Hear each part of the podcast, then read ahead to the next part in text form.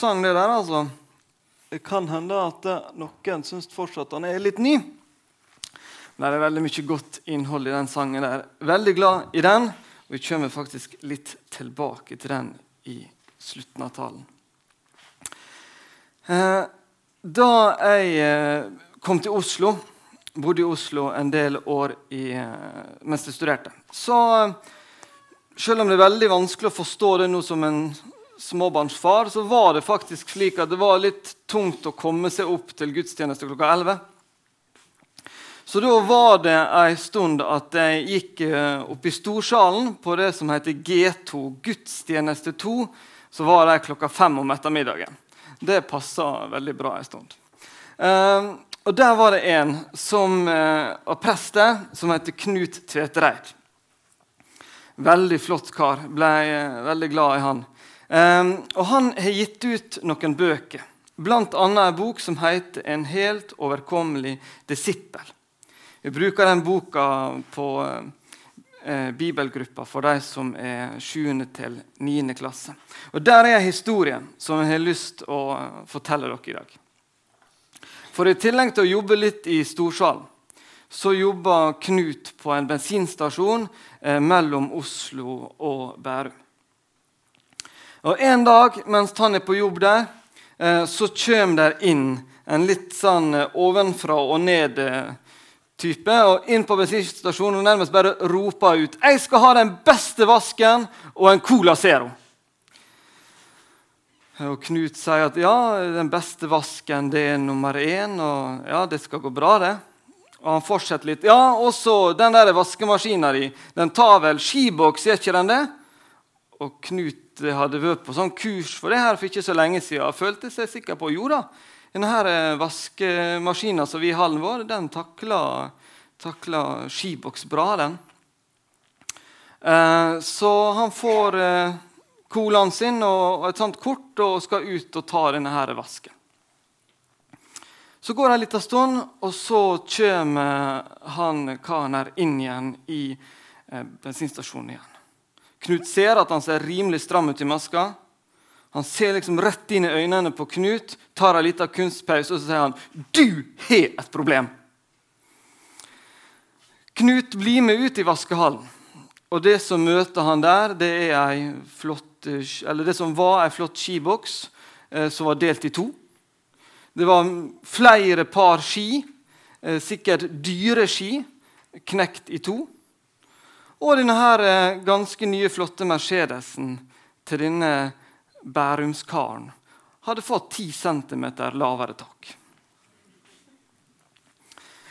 Um, Knut skriver ikke så mye mer om akkurat hva han føler der og da. Men han skriver at uh, sjefen var bortreist, så han fikk liksom ikke ringt og, og sagt noe mer fra der og da. Men, uh, men han får lagt igjen en beskjed. Skriver hva som er skjedd. Og så er han nok rimelig nervøs fram til mandags formiddag, så ringer sjefen. Knut prøver å være helt sånn naturlig.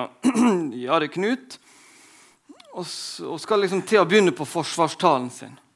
Så bare sier sjefen du, nå har jeg snakka med alle parter.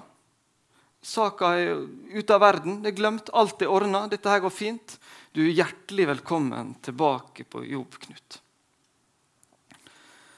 Jeg kjenner fortsatt det at jeg har lest denne historien flere ganger. og når Jeg forteller den, jeg, jeg kjenner at det ramler noe av skuldrene liksom, i møte med denne eh, beskjeden til denne sjefen. Alt var i orden. Det var glemt. Han hadde en stor tabbekvote til Knut. Og denne her tabbekvoten den holdt. Den var stor nok. Jeg må si jeg liker tabbekvoter. Tabbekvoter er en fin ting. Jeg liker når de er veldig store. Eh, vi skal høre i dag om to karer som også trenger tabbekvoter. Vi skal lese sammen fra Lukas 15. Jesus sa, en mann hadde to sønner. Den yngste sa til faren, 'Far, gi meg den delen av formuen som faller på meg.' Han skiftet da sin eiendom mellom den. Ikke mange dager etter solgte den yngste sønnen alt sitt og dro til et land langt borte. Der sløste han bort formuen sin i et vilt liv. Men da han hadde satt alt over styr, kom det en svær hungersnød over landet, og han begynte å lide nød. Da gikk han og søkte tilhold hos en av innbyggerne der i landet, og mannen sendte han ut på markene sine for å passe grisene. Han ønsket bare å få mette seg med de belgfruktene som grisene åt, og ingen ga ham noe. Da kom han til seg selv og sa:" Hvor mange leiekarer hjemme hos min far har ikke mat i overflod, mens jeg går her og sulter i hjel? Jeg vil bryte opp og gå til min far og si:" Far, jeg har syndet mot himmelen og mot deg. Jeg fortjener ikke lenger å være sønnen din, men la meg få være som en av leiekarene dine. Dermed brøt han opp og dro hjem til faren. Da han ennå var langt borte, fikk faren se han, og han fikk inderlig medfølelse med han. Han løp sønnen i møte, kastet seg om halsen på ham og kysset han. Sønnen sa, 'Far, jeg har syndet mot himmelen og mot deg.' 'Jeg fortjener ikke lenger å være sønnen din.' Men faren sa til tjeneren sin, 'Skynd dere, finn fram de fineste klærne og ta dem, og ta dem på ham.' 'Gi ham ring på fingeren og sko på føttene, og hent gjøkalven og slakt den.' så ville vi spise og holde fest. For denne sønnen min var død og er blitt levende. Han var kommet bort og er funnet igjen. Og så begynte festen og gleden. Imens var den eldste sønnen ute på markene. Da han gikk hjemover og nærmet seg gården, hørte han spill og dans. Han ropte på en av spurte hva som var på ferde. Din bror er kommet hjem, svarte han, og din far har slaktet gjøkalven for at han har fått ham tilbake i god behold. Da ble han sint og ville ikke gå inn. Faren kom ut og prøvde å overtale han, men han svarte faren. Har ikke jeg tjent deg i alle år, og aldri har jeg gjort imot ditt bud. Men meg har du ikke engang gitt et kje, så jeg kunne holde fest med vennene mine. Men straks denne sønnen din kommer hjem, han som har sløst bort pengene dine sammen med horer, da slakter du gjøkalven for ham. Faren sa til han, 'Barnet mitt, du er alltid hos meg, og alt mitt er ditt.' Men nå må vi holde fest og være glade. For denne broren din var død og er blitt levende. Han, har, han var kommet bort og er funnet igjen.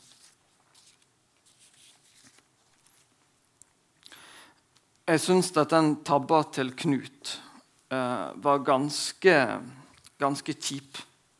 Det var nok ikke få tusenlapper som skulle til for å ordne opp i både skiboks og ski og bil. Allikevel så bleikna den i forhold til denne historien her. Særlig i forhold til han lillebroren her.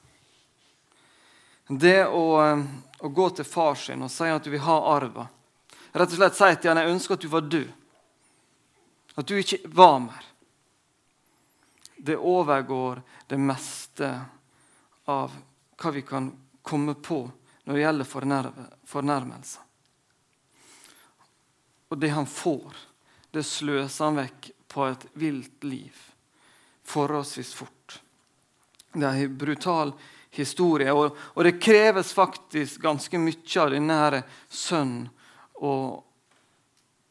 å på en måte ta halen mellom beina og subbe hjem til far. Og på en måte legge fram alt dette som han har gjort.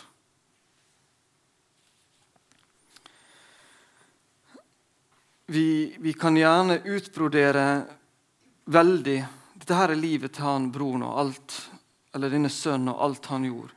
Måten han brukte opp disse pengene på. Og det er et viktig poeng i teksten at han gjorde det på den måten. Men allikevel så er ikke det hovedpoenget. Det som er hovedpoenget i denne teksten vår, er at det står en far og venter på.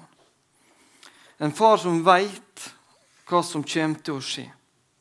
En far som står der med åpne armer og tar imot ham uansett. Som speider etter ham, som er klar for å omfavne ham. Alt som han hadde gjort, det ble glemt. Her skulle gjøkalven slaktes, og det skulle holdes fest. Denne sjefen til Knut på bensinstasjonen eh, han hadde nok sine forsikringer i orden, eh, som gjorde at han også kunne komme seg ut av denne situasjonen forholdsvis greit. Det kom ikke til å lyde så store tap. Han hadde satt seg sjøl i en situasjon der han kunne gi sine arbeidere tabbekvote. Fin ting, det. Kan, kan være et godt forbilde det til, til mange sjefer å ha den muligheten å gi sine ansatte tabbekvoter. Han kunne ringe Knut og si at han var velkommen tilbake på jobb. Så denne teksten har eh, noen likheter med denne historien til Knut. Men det er også noen viktige forskjeller. Noen store forskjeller. For, for sjefen til Knut hadde nok noen grenser. Ble det tabbe etter tabbe, feil etter feil, etter feil, så kom det til å komme et tidspunkt der tabbekvotene var brukt opp. Nå var det nok. Nå kunne ikke han lenger ha denne personen ansatt. Slik var ikke med denne faren. Det var ikke noe gjensidige if, trygg eller kniff på den tida. Han kunne ikke sette seg i en situasjon der at livsførselen til sønnene sine ikke skulle få noen konsekvenser. Han hadde ikke den muligheten. Men faren, han sto der og speida. Han sto der og var klar til å springe sønnen i møte, uansett hva han hadde gjort. Og Kort tid etter han hadde omfavna, kyssa, tatt imot dine ene sønnen, så må han ut igjen. Da var det den andre sønnen. Det står ikke noe om at han var lei eller syntes dette var trasig. Men han visste nok at det var en sønn til som kom til å gjøre sine feil. Og til og med med en annen innstilling. Som trodde at ikke han hadde gjort noe galt. Som tenkte om seg sjøl at han hadde gjort alt riktig, ikke brutt et eneste bud fornærma faren og broren grovt. Men likevel så står denne faren her og sier alt mitt er ditt. Kom, og så skal vi ha fest sammen. Denne faren, han har nok av tabbekvoter til begge sønnene sine, uansett hva galt de hadde gjort. Og Denne faren er et klart og tydelig tegn for oss, eller et bilde for oss på Gud. Og Da er det så viktig å få med seg i at, i at i en verden der vi er vant til å få utdelt disse tabbekvotene Vi er vant til at folk gir oss dem, og at vi må forholde oss til tabbekvoter. Og at hvis vi fyller opp disse tabbekvotene våre, så får de konsekvenser. Det er det vi er vant til i, i vår hverdag. I forhold til venner, i forhold til arbeidsgiver, i forhold til ektefelle, til barn og naboer. Så, så må vi forholde oss til noen tabbekvoter. Men når det kommer til Gud, så er det helt annerledes. Der er ikke noen maksgrense. Og Det er det denne her teksten så gjerne vil fortelle oss. At det er ikke våre feil det kommer an på i møte med Gud. Det er ikke slik at våre gjerninger kan fylle opp ei tabbekvote. Det spilte faktisk ikke noen rolle i denne historien vår hva disse sønnene hadde gjort. Det var ikke slik at det var inntil en viss grense ville den faren tilgi dem. Det kom overhodet ikke an på sønnene sin oppførsel. Det det kom an på, det var Gud. Det er Gud og det er Jesu gjerning for oss som betyr noe når vi kommer til Gud og ber om tilgivelse. Det er så fullstendig annerledes enn hva vi er vant til i vår verden, og hvordan vi eh, oppfører oss i forhold til de rundt oss. Å ønske sin far død er nok den største fornærmelsen denne sønnen kunne komme med. Men det spiller faktisk ingen rolle. Det hadde ingenting med utfallet å gjøre. Fordi at det var denne faren sitt valg å elske disse sønnene sine, uavhengig av deres oppførsel. Det er ikke mine gjerninger, det er ikke dine gjerninger det kommer an på i møte med Gud. I en flott sang som heter 'Who Am I', og noen som heter 'Casting Crones', så står det Jeg har prøvd å oversette det. Ikke på grunn av hvem jeg er, men på grunn av hva du har gjort. Ikke på grunn av hva jeg har gjort, men på grunn av hvem du er. I forhold til det vi må forholde oss til i denne verden, så, så kan vi påvirke litt disse tabbekvotene. Vi kan opparbeide oss større tabbekvoter. Ehm, vi kan ved våre gjerninger skape et sterkere tillitsforhold. Ehm, og på, på den måten påvirke litt dette her, iallfall til en viss grad. Ehm, livsførselen vår er avgjørende. Men i forhold til Gud så er ikke vår oppførsel avgjørende. Når Jesus hang på korset og så ropte 'Det er fullbrakt', da ble alle kvotetenkning oppheva. Forskrifter, lover, reglement Det var ikke mer. Det var det han hadde gjort, som skulle bestemme hva som skulle skje når vi kom til Gud med våre liv. Pedagogisk så kan det være fint å snakke om sånne tabbekvoter for å hjelpe oss til å forstå, men egentlig så er ikke tabbekvote et godt ord. Fordi at kvote snakker om at her er ei grense, vi kommer til et maks. I møte med Gud så er det ikke noe maks. Ehm, I Matteus 18 så, så kommer Peter til Jesus, og så utfordrer han han litt på dette med kvoter. Han spør han, hvor mange ganger er det jeg skal tilgi min bror. Så kanskje litt sånn syns han tar i litt, da. Så foreslår han at, at kvoten til sin bror bør være sju. Er det greit sju ganger? Er det pass? Er det så mange ganger som jeg, som jeg kan tilgi min bror? Og så svarer Gud, nei, svarer Jesus ikke sju, men 70 ganger 7.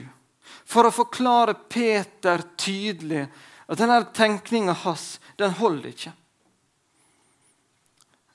Jesus ønsker å vise Peter tydelig ikke tenk på noen kvote.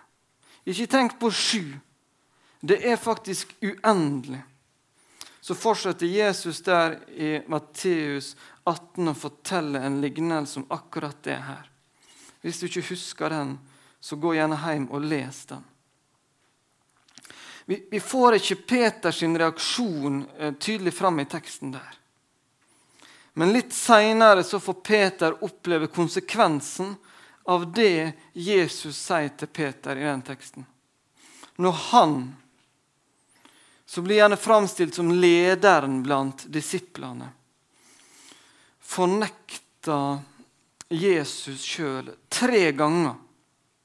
Når Jesus er i ferd med å, å skulle dø for Peter, så banner Peter på at han ikke kjenner Jesus. Jesus som har gitt Peter alt de siste åra. Så står Peter der og fornekter det her. Og så Noen dager seinere Jesus er stått opp igjen. Peter får møte Jesus med Genesaretsjøen. Så får han merke konsekvensene av at det ikke er noen kvote som ble brukt opp denne dagen. Jesus utfordrer Peter på å være den som skal fø lamma, den som skal gi de kristne åndelig mat han som skal lede kirka. Det er faktisk slik at den første lederen, han som vår kristne kirke er bygd på, eller fikk være med å starte, han fornekta Jesus, banna på at han ikke kjente Jesus når det røynte litt på. da var ikke det snakk om ei, om ei lita tabbekvote.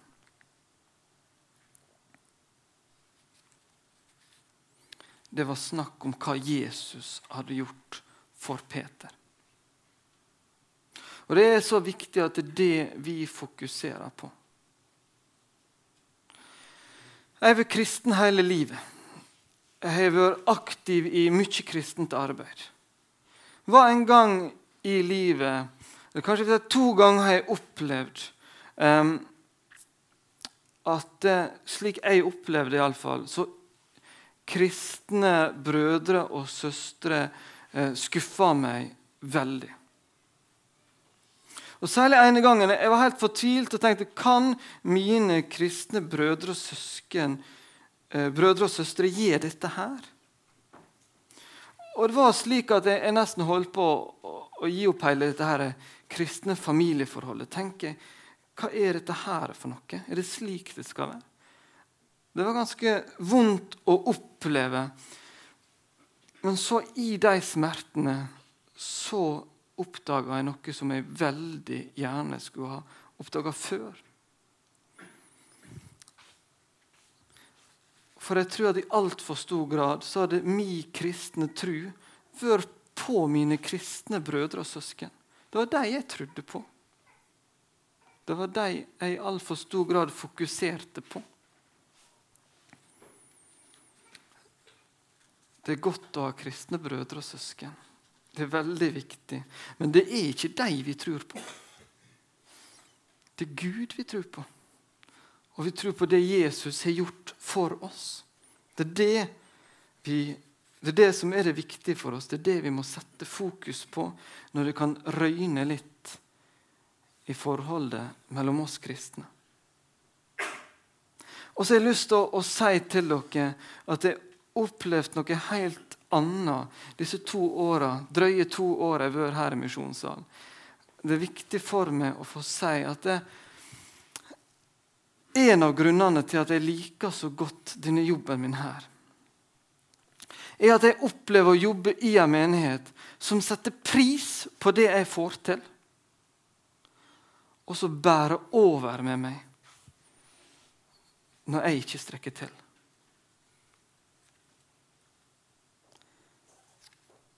Jeg kjenner daglig på Guds nåde og på menneskets tilgivelse. Guds nåde er den viktigste, og det er den som skal gi meg og har gitt meg tilgang til himmelen, til et evig liv med Gud. Men denne mellommenneskelige kjærligheten og tilgivelsen som jeg får oppleve, er også utrolig viktig for livet her på jorda. I Johannes 13, når Jesus, sjefen sjøl, velger å ta tjeners oppgave vaske beina til disiplene. Og så forteller han dem at skal dere ha med meg å gjøre, så må jeg få lov til dette. Det er det jeg skal gjøre om en liten stund. Jeg dør på korset for dere og soner syndene deres. Det jeg gjør nå med å vaske beina deres, er et bilde på det. Men like etterpå, når han er ferdig med å vaske disse beina, så setter han seg ned sammen med dem og så sier han, det jeg har gjort for dere nå, er et bilde for dere. På samme måte som jeg nå har vaska dere bein, skal dere vaske hverandre sine bein.